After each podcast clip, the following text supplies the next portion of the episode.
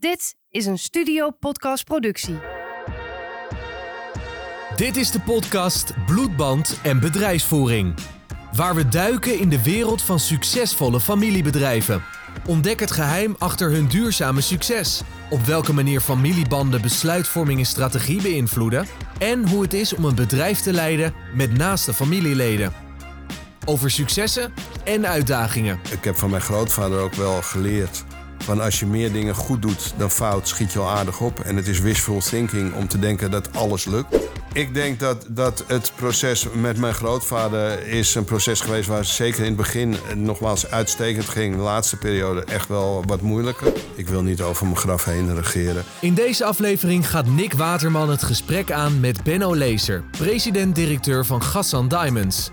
Gassan werd in 1945 opgericht door Samuel Gassan. Het bedrijf staat voor diamanten, sieraden en luxe horloges. Na het overlijden van Samuel Gassan in 1983 nemen zijn kleinzonen Benno en Guy Lezer het bedrijf over. Sinds 2011 is Benno de enige eigenaar van het bedrijf. Welke lessen leerde hij van zijn grootvader? Waarom won Gassan de titel voor beste familiebedrijf? En wat is zijn strategie voor zijn opvolging? Je hoort het binnen nu en 26 minuten. Welkom Benno bij deze nieuwe aflevering van Bloedband en Bedrijfsvoering. Ontzettend gaaf dat wij vandaag deze aflevering bij jou hier op locatie mogen opnemen. Bij House of Gazan. Waar jij volgens mij jaarlijks in hoogtijdagen 400.000 toeristen trok. Um, omdat ze allemaal een kijkje willen nemen hier. Wat is jouw ogen nou uh, hetgeen waarvoor ze hier komen? Waarom wil iedereen bij jullie even binnenkijken? Educatie op het gebied van diamant. En als ik ze zie fotograferen, als ze weer weglopen, dan ben ik al blij. Mijn uh, medewerkers willen dan nog wel zeggen, maar ze moeten toch vooral kopen. Uiteindelijk is dat ook zo. Ja. Maar het is vooral ook belangrijk dat als men hier het House of Gezant verlaat, dat men het gevoel heeft dat men meer weet over dat prachtige product diamant. En, en trekt het nog steeds zoveel toeristen als op in We hadden voor COVID uh, 400.000 bezoekers. Spreken 26 talen in het gebouw. Dat betekent dat bijvoorbeeld als een Thaise groep binnenkomt... in het Thais gesproken wordt, Chinees in de diverse dialecten worden ook gesproken. We zijn uh, gezakt naar 20.000 in het eerste jaar van COVID. We zijn het uh, afgelopen jaar hadden we 93.000 en dit jaar denk ik dat we ongeveer eindigen op 125. Ons doel is ook niet meer om 400.000 te bereiken. Dat is eigenlijk tweeërlei. We hebben overleg ook met de gemeente. En de gemeente wil heel graag dat wij het busgebruik halveren. En daar zijn we gezamenlijk uh, akkoord mee gegaan.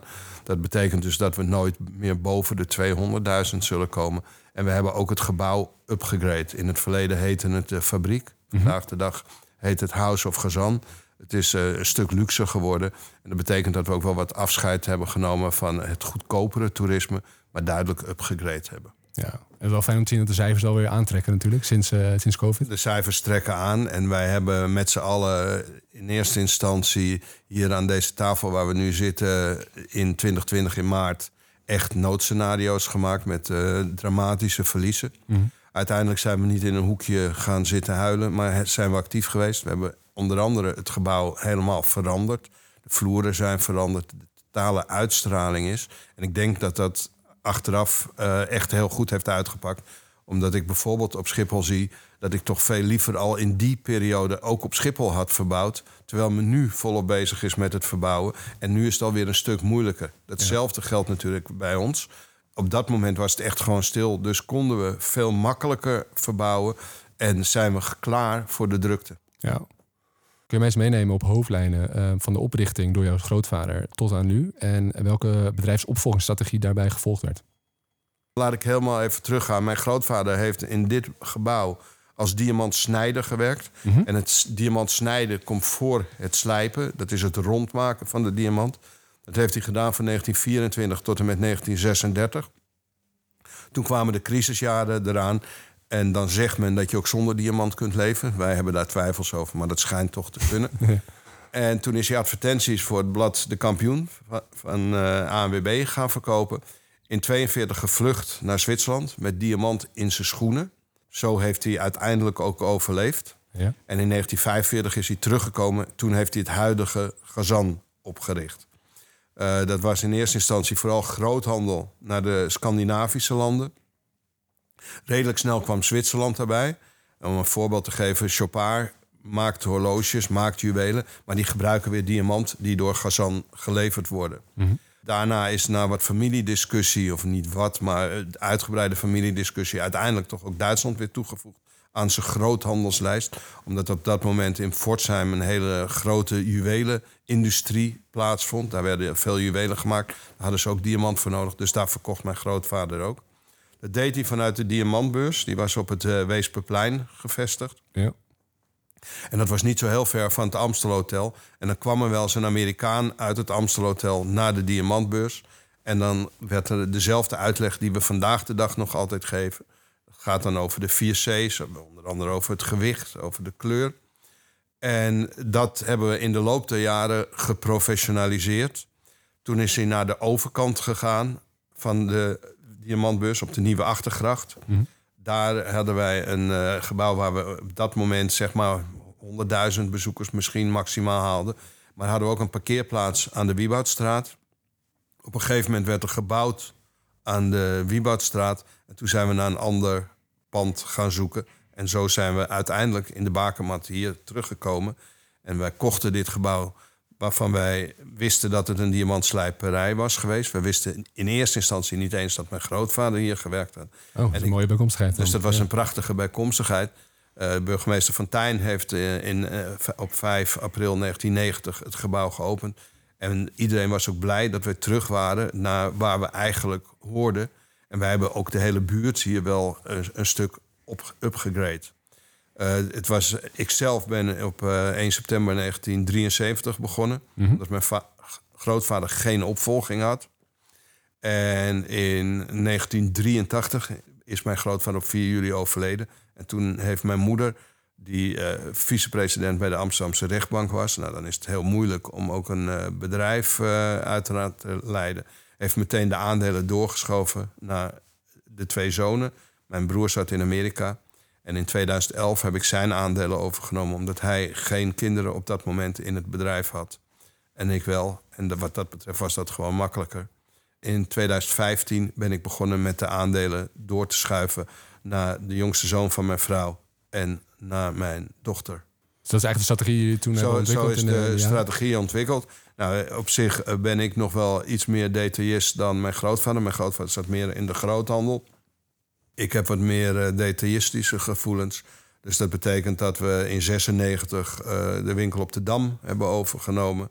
We zitten op Schiphol sinds 1967.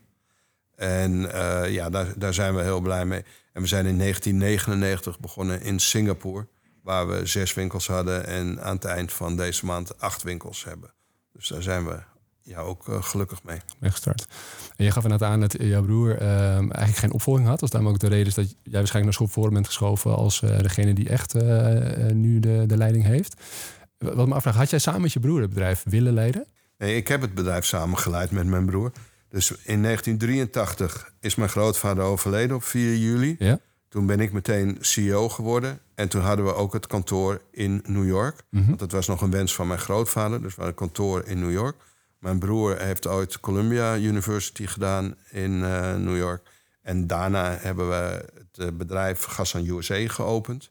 En vanaf eh, het overlijden van mijn grootvader waren mijn broer en ik allebei 50% aandeelhouder. Ja. En waren we de commissarisvergaderingen en zo, was hij ook gewoon hier vanuit New York over. Voor een stafvergadering kwam hij over. Dus ik heb eigenlijk van 1983 tot en met 2011 het bedrijf samen met mijn broer geleid. Exact. En daarna heb je zijn En toen heb ik die aandelen overgenomen, omdat dat het meest eh, logische was en het meest praktische. Omdat ik op een gegeven moment natuurlijk ook wil dat het bedrijf in familiehanden blijft.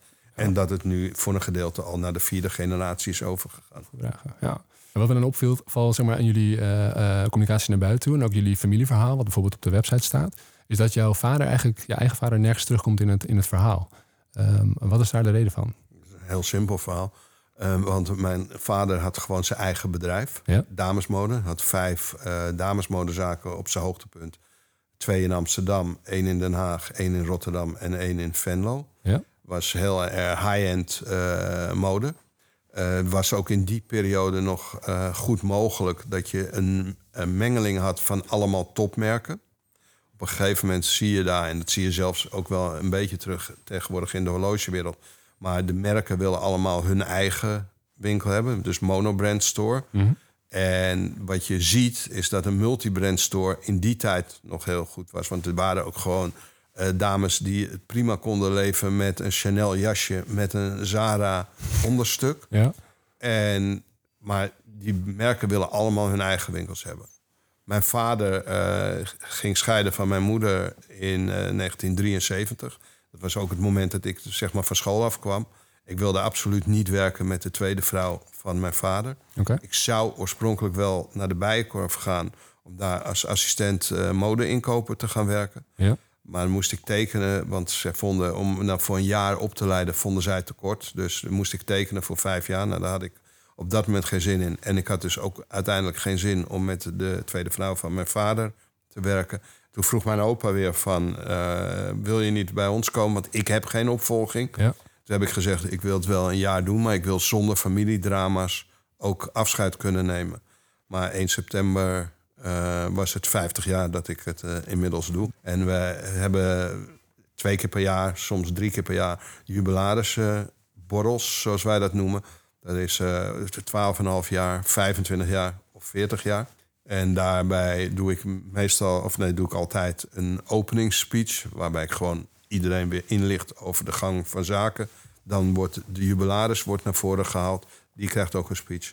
En bij de meest recente jubilarissenborrel ging het ook allemaal zo. En daarna werd ik toegesproken door de familie. En dan heb ik ook een prachtig boek overhandigd gekregen. Over 50 jaar bij Gazan. Je, hebt, je bent er niet voor gekozen om in je vaders bedrijf dan verder te gaan, maar bij eh, je grootvader Ja. eigenlijk eh, opvolging te doen. Heeft je vader nog wel op een bepaalde manier een rol gespeeld in de opvolging die jij gedaan hebt met jouw opa? Heeft hij daar nog een bepaald advies in gegeven? Of, Nee, op Nee? zich heb ik daar verder met mijn vader. eh, hij vond het waarschijnlijk wel jammer dat ik niet naar mijn vader toe ging. Maar verder is dat. ja, ik heb ge- gekozen duidelijk voor mijn grootvader. En nogmaals, dat had, was, had ook niets verder met mijn vader te maken. Maar ik wilde absoluut niet met de tweede vrouw van mijn vader werken. helder. En had jouw opa het helemaal uitgedacht al? Was de hele strategie voor jou en voor de jaren die daarna kwamen, lag dat al klaar? Of heb je daar ook nog zelf heel veel input in gehad? Nee, nou goed, die strategie was natuurlijk dat ik kwam. Mhm. Wat mijn grootvader heel verstandig heeft gedaan, is dat hij een president-commissaris eh, heeft aangenomen. Dat was meneer Delsing. Die was eh, de baas van de Nederlandse Kredietbank. En ook van de Tilburgse Hypotheekbank. En die was eigenlijk onder andere aangenomen om te beoordelen wanneer ik geschikt was om het bedrijf over te nemen. Ja. En hij, mijn grootvader zei op dat moment terecht van... ik ben daar waarschijnlijk niet objectief in. Dus het is goed dat er een neutraal iemand daarin meekijkt. Ja. En eh, dat is eigenlijk prima gegaan. Ik heb eh, vanaf 73 tot 83 met mijn grootvader samengewerkt. Toen ik kwam, als ik 1 en 1 dat dat 2 was, zei, dacht mijn grootvader dat er een wereldwonder. Dus dat was ook wat aan de chauvinistische kant. Eh, later werd die relatie minder. Zeker in de laatste twee, twee jaar heb ik best een hele moeilijke relatie met mijn grootvader gehad. Op een gegeven moment ging het ook in de vergadering zelf zo dat eh, mijn grootvader zei van nou als je dan denkt dat het allemaal zo goed weet, koop dan het bedrijf maar. Uiteindelijk had ik mede via die bankdirecteur gewoon de hele financiering rond. En toen werd er later gezegd van waar haalt hij de eigen wijsheid vandaan dat hij het bedrijf kan kopen. Ook, eh, het wel gezegd is. Ja. Dus eh, ja, maar nogmaals, eh, mijn grootvader was een fantastische man, eh, ongelooflijk goede verkoper. Die vond het eigenlijk pas leuk als hij iets verkeerd had ingekocht om het dan toch nog te verkopen. en wat best ook grappig was, maar dat is, komt ook voort uit die tijd. Toen wij voor het eerst budgetten gingen maken en dan na een half jaar bleek dat ook nog redelijk te kloppen. Nou, dat zei mijn grootvader, goed, wat jullie hebben opgeschreven klopt ook nog aardig. Het was gewoon een hele andere manier van zaken doen. En eh, ja, nogmaals, mijn, mijn grootvader was echt het supervoorbeeld van de allerbeste verkoper die er maar bestond. Mooi om van te leren ook, lijkt Ja. mij dan. Wat zeggen de medewerkers van Gassan Diamonds over werken binnen dit familiebedrijf? Mijn naam is Anko Sharma, inmiddels 10 jaar werkzaam voor het prachtige bedrijf Gassan. Het woord waarmee ik het bedrijf zou beschrijven is toch echt familiebedrijf. Dat merk je namelijk in alles. In eh, de besluiten die worden genomen, maar ook het plezier wat we ervaren om met elkaar iedere dag hier te kunnen werken. Ik ben Marie-Louise Bartels, eh, werkzaam als eh, manager op de diamantslijperij. Het bedrijf House of Gassan beschrijf ik als warm. Ik ben hier begonnen als stagiair en heb mij ontwikkeld tot manager van de afdeling Diamantslijperij. Ik vind het eh, heel fijn eh, om hier elke dag naartoe te gaan en eh, elke dag is nog steeds een feestje binnen dit warme bedrijf. Je gaf zelf al aan, in 2015 eh, heb je de eerste 10% van jouw eigen aandelen overgedragen aan jouw, jouw kinderen. Deborah Lezer en David Bijlsma. Beide kregen 5%, eh, begreep ik. En dat was eigenlijk de eerste stap in, in eigenlijk jouw opvolging. Maar voor jou is het de tweede keer dat je het proces doorloopt. Inmiddels hebben ze allebei 22,5 procent. Ja. Dus dat betekent dat eh, mijn vrouw en ik, eh, Kitty en ik, eh, nog altijd eh, vijf- 55 procent hebben. En op zich gaat dat goed. En er vinden heus ook wel discussies plaats... dat de een misschien ietsje meer naar links wil... en de ander ietsje meer naar rechts. Maar tot nu toe verloopt dat uitstekend. Zelf heb ik natuurlijk ooit in een interview gezegd... dat ik zou stoppen met 49. Niet gelukt. Dus het is niet gelukt. Eh, we hebben de afgelopen jaren, maar ook echt met name eh, door het team en door Rolex speelt daar ook gewoon een hele belangrijke rol. Echt eh, uitstekende jaren. Dan is het überhaupt altijd wat leuker. Of schoon bijvoorbeeld David ook wel zegt van ik heb eigenlijk het meest geleerd van jou in de moeilijke periode. Dus wat dat betreft kan ik in moeilijke periodes ook. Het is ook het teken dat we destijds echt die verbouwingen ingezet hebben. Meteen in de COVID-periode. Nou, daar waren best ook wel wat bedenkingen tegen. Van, moeten we dat risico nu wel aangaan? Maar dan ben ik nog wel altijd de CEO die op een gegeven moment zijn manier van denken doordrukt. En dan neem je daar nog iets mee, omdat het eigenlijk de tweede keer dat je zo'n opvolging meemaakt. Eerst van grootvader naar jou en nu van jou naar je kinderen. Neem je nog iets mee daarvan, van die eerste keer? Van, dat heb ik toen zo ervaren, dat wil ik niet nog een keer zo doen. Eh, zou je dingen bijvoorbeeld anders doen? Of doe je misschien wel anders? Ik denk dat, dat het proces met mijn grootvader is een proces geweest waar zeker in het begin nogmaals uitstekend ging. De laatste periode echt wel wat moeilijker. Ja. Eh, waarbij het ook wel, ik vandaag de dag misschien dingen op, op een iets andere manier zou zeggen. Ik was op dat moment 5, 26, dus dan ben je nog wat druistiger dan dat je dat eh, vandaag de dag bent. We ook gisteren weer een vergadering hebben gehad en dan ben ik ook wel gewoon op dat moment duidelijk de CEO die de lijn eh, bepaalt. Ja. Uiteraard wel een stuk in overleg, maar af en toe is er ook iemand die ergens een klap op moet geven. En het proces eh, met eh, mijn kinderen op dit moment loopt gewoon prima. En nogmaals, daar is af en toe best discussie en dat mag. Dat lijkt me ook alleen maar heel natuurlijk en goed. En je gaf aan, je hebt nu nog echt het merendeel, de 55% nu gewoon handen Ja. samen met jouw je vrouw. Hoe ziet nou de rest er nog uit van de opvolging van nu tot aan jouw pensioen? Wat, wat zie je nog voor je? Heb ik nog niet, eh, nog niet, niet een concreet eh, idee over. Want ik vind het dus op dit moment ook gewoon goed gaan met het bedrijf. Eh, we hebben een hartstikke goed team. En ehm, ja, mijn leidersfunctie ligt me op dit moment ook nog prima. En voor mij ben je dit jaar ook 68 geworden, als ik het goed heb. Ik ben 68 geworden. Maar als ik het zo hoor, denk je nog lang niet aan stoppen. Nee. Het, wat wel een punt van discussie is dat zij wel graag willen dat ik bijvoorbeeld commissaris word. Ja. Dat wil ik absoluut niet. Waarom niet Want dan? ik wil niet over mijn graf heen regeren. En op het moment dat je als commissaris zit en zij kiezen voor andere wegen op sommige velden, dan is het moeilijk om daarbij te zitten. En dat wil ik gewoon beslist niet. Nee, wil snap ik heel echt goed. eh, andere dingen doen. Er komt natuurlijk een moment op een gegeven moment dat je het echt uit handen gaat geven. Het lijkt me ook wel een lastig moment als het jou voelt als jouw eigen bedrijf. Wat is voor jou nou het moment dat je met een gerust hart het kunt overdragen? Welke, welke, wat, wat moet er geregeld zijn? Eh, wa- wat er, wij zijn continu bezig om het bedrijf long-term eh, goed te houden. We, we zijn eh, dus recent, wat ik zei, zijn we Singapore weer aan het uitbreiden. We hebben recent Rotterdam geopend. Ja. We gaan op 1 april Eindhoven openen. Dus we zijn überhaupt wat meer bezig met het bedrijf nog landelijk te doen. Daar waar we in het verleden vooral travel retail eigenlijk waren. Ook toerisme is dan nog wel travel retail. Ja, en op dit moment heb, zie ik nog niet waarom ik eh, zou stoppen. En vind, nogmaals, vind ik het ook gewoon leuk. En heb ik ook wel echt het idee dat ze me nog nodig hebben in het leiding geven in zijn totaliteit. Dat is belangrijk. Dus sowieso die adviesrol. Die, die Op, maar die, die ga ik niet aan de kant voeren. Nee, snap ik heel goed. Je wil wel echt nog... eh, De- de- of, of heel kort gezegd. Nee, er is, er is eh, ruimte continu voor discussie. Mhm. Maar er is wel altijd een moment dat één iemand er ergens een klap op moet geven. We zijn heel actief eh, op dit moment in de sp- voetbalsponsoring. We doen echt veel events. We zijn überhaupt altijd eh, event georiënteerd geweest. Het meest belangrijke is dan de vroegere Millionaire Fair, tegenwoordig Masters. Ja. Eh, Dat is voor ons echt het evenement. Maar we hebben recent een prachtig evenement van het product van eh, Deborah gehad, Choices bij DL. We hebben binnenkort weer een groot trophy-event. Dus we zijn continu actief, niet alleen maar met het dagelijkse gebeuren. Ja, het is groter dan inderdaad Ja. het dagelijks gebeuren wat dat betreft. Ja, dat is wel een mooi berichtje naar eigenlijk mijn volgende vraag. Want je gaf aan de Deborah en David vormen natuurlijk de volgende generatie. Zie je er ook een soort van gecombineerde directierol voor je? Of gaat een van de twee straks de kar trekken? Of moet Ik ga nooit een keus maken tussen de twee. Nee? En op dit moment is mijn wens dat ze het met z'n drieën, samen met de CFO, Pauline eh, Boomgaard, dat ze het met z'n drieën doen. Ja. Ze hebben elkaar in mijn optiek ook heel hard nodig. David is bijvoorbeeld heel sterk op horloges. David is heel sterk in het netwerken. Waarbij Deborah daar gewoon veel minder eh, belangstelling voor heeft. Maar wat eh, hier neergezet is qua merkchoices, qua House of Gazan... qua ook de tekeningen die we al gemaakt hebben voor verbouwing op Schiphol... het magazine wat we uitgeven, daar is Deborah weer heel goed in. Dus dat eigen dus, expertise. dat, dus dat vult elkaar prima aan. Nou, dan is met twee is het altijd wat lastiger, want dan krijg je ja nee. En dus wat dat betreft is het eh, goed dat er een CFO bij zit. Ben je nu dan ook op dit moment al bezig samen met hun om de strategie voor de komende jaren eh, uit te- te rollen? Daar zijn we continu mee bezig. En we hebben vier keer per jaar commissarisvergadering. Ja. Onze president-commissaris is eh, meneer Van der Herik.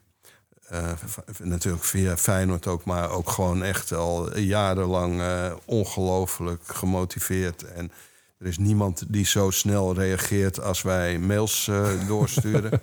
Eh, dan eh, Letitia Griffith eh, is eh, commissaris bij ons vanuit eh, politiek. Ja. Henk Philip is commissaris bij ons. Dat is de eigenaar van Tours en Tickets. En ook van de delicatessen en de souvenirswinkels op Schiphol. Met name Letitia en Henk kijken ook echt mee in over de, de opvolging. Henk Philip is natuurlijk ook via toerisme en ook via Schiphol weer. En we hebben vier keer per jaar eh, uitstekende vergaderingen. Eén vergadering is de jaarvergadering, waarin de cijfers goedgekeurd worden. In de andere drie, daar is met name strategie ook altijd een eh, punt. Belangrijk onderdeel. Ja. Ik kan me dan voorstellen, want er komen dan twee nieuwe gezichten. Twee frisse winden eigenlijk komen, eh, komen erbij. Hebben misschien andere ideeën die jij had of misschien hebt. Botst dat dan nog heel erg? Jawel, dus er zitten af en toe mooie discussies. En dat, dat, dat is ook alleen maar gezond. En eh, we hoeven het niet altijd met elkaar eens te zijn. We kunnen het zelfs eens zijn dat we het oneens zijn. Ja. En eh, ja, uiteindelijk worden er af en toe eh, klappen gegeven op bepaalde onderwerpen. Leer je dan ook nog van hun? Van met nieuwe inzichten of Oh, misschien... ja, ja, je bent nooit oud om te leren. Nee, dat is zeker waar. Noem eens één recent eh ding. Nee, maar ook bijvoorbeeld met verbouwingen. Hoe dat ingericht wordt, bemoei ik me dus ook gewoon helemaal niet mee. Nee. En daar, daar is Deborah heel goed in. David over. David heeft bij wijze van spreken, als we naar een horlogemerk gaan, krijgt een budget mee. En of ze daar één of honderd horloges, dat moeten zij echt helemaal weten. Heb ik ook eigenlijk niet eens het geduld voor. En ik probeer meer de grote, me op de grote lijnen te concentreren. focussen. Ja, lijkt me ook logisch. Helemaal omdat je natuurlijk waarschijnlijk iets minder tijd ook te besteden hebt. En, en zij het uiteindelijk moeten gaan doen. Ja. Slim, ja. Oké. Heel wat anders. In 2013 roept de Family Enterprise eh, Foundation jullie uit tot eh, beste familiebedrijf van Nederland. Eh, wat maakte jouw ogen jullie nou het beste familiebedrijf van Nederland? Eh, dus zelf zeg ik altijd dat het gebaseerd is op drie facetten. Om toch in diamantaal te spreken. Ja. Ten eerste kwaliteit. Je kan niet altijd de goedkoopste zijn, maar je kan wel kwaliteit garanderen. Het tweede is service. En het derde is het 100% familiebedrijf zijnde.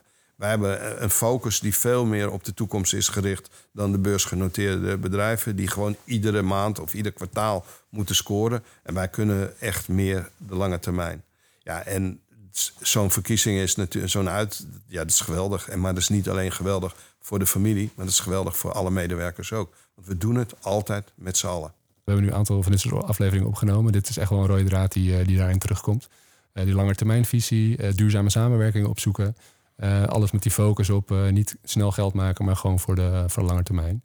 Als je een tip moet geven, wat moet je als familiebedrijf nu niet doen?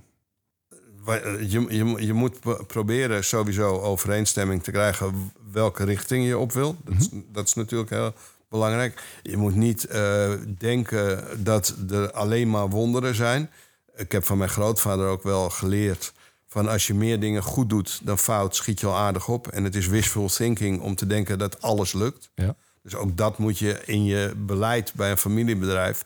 Het mag, het mag ook best een keer fout gaan. Wat me mij nog wel eens verwijt, en ik denk dat ze daar niet eens ongelijk in hebben, dat ik dan soms te lang met iets slechts blijf doorgaan. Ja.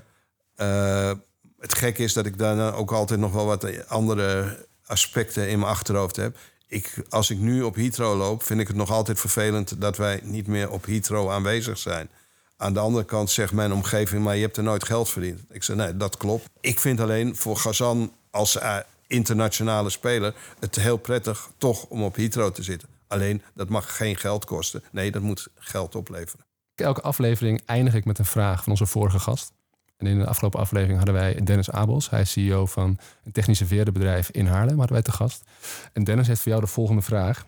Hoe uh, ben jij anders dan je vader uh, in de dagelijkse leidinggeven? Minder aristocratisch, zeg je dat zo? Ja. Wat ik bedoel is dat er in het verleden natuurlijk duidelijk meer afstand was dan dat er vandaag de dag is. Ja. Daarin moeten we uitkijken dat we niet helemaal doorslaan.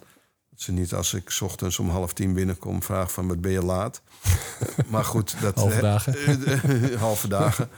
Nee, bij mijn grootvader kwam iedereen nog aan het eind van de dag hem gedag zeggen. Nou, dat, zie je, dat kan ook überhaupt al niet door de locaties. Maar dat is gewoon anders. En ik ben ook veel. Mijn grootvader was veel meer momentenman. Terwijl ik veel meer strategisch lange termijn denk. Oh ja. Nou, jou heb ik eigenlijk dezelfde vraag. We zitten in onze laatste aflevering, die we nog moeten schieten, samen met Ton Goedmakers, CEO van Verbego, van dienstverlener. En eigenlijk wil ik jou dezelfde vraag stellen. Welke vraag wil jij aan Ton stellen? Wanneer gaat hij weer mee naar Feyenoord? nou, dan gaan, gaan we hem vragen. Hij was met mij mee op Feyenoord-Roma. Oh, gaat. En de laatste keer dat ik bij de wethouder van Economische Zaken zat, Ja. meneer Markie, Ja. liep het gesprek wat uit. Maar toen zei Markie, dat maakt niet zoveel uit, want Ton komt er nu aan. En als we, nog als we ook nog een vraag doen, zeg maar echt puur op, de, op het familiebedrijf of op iets waar jij mee hebt, hebt gespeeld in de overname. Of... Hoe vond hij de omgang met zijn commissarissen? Bedankt dat je mijn gast wilde zijn. En eh, ik vond het een heel fijn gesprek. Graag gedaan. Dit was Bloedband en Bedrijfsvoering met Benno Lezer van Gassan Diamonds. In de laatste aflevering van dit seizoen is Tom Goedmakers, CEO van Verbego, te gast. Verbego is een internationale speler met de focus op de sectoren schoonmaak, zorg, facilitair management en groenvoorziening. Hoe borg je het familiebedrijf en de familiewaarde in zo'n grote onderneming? En kijkt Ton als veertiger nu al naar zijn opvolging? Abonneer nu en blijf op de hoogte van een nieuwe aflevering.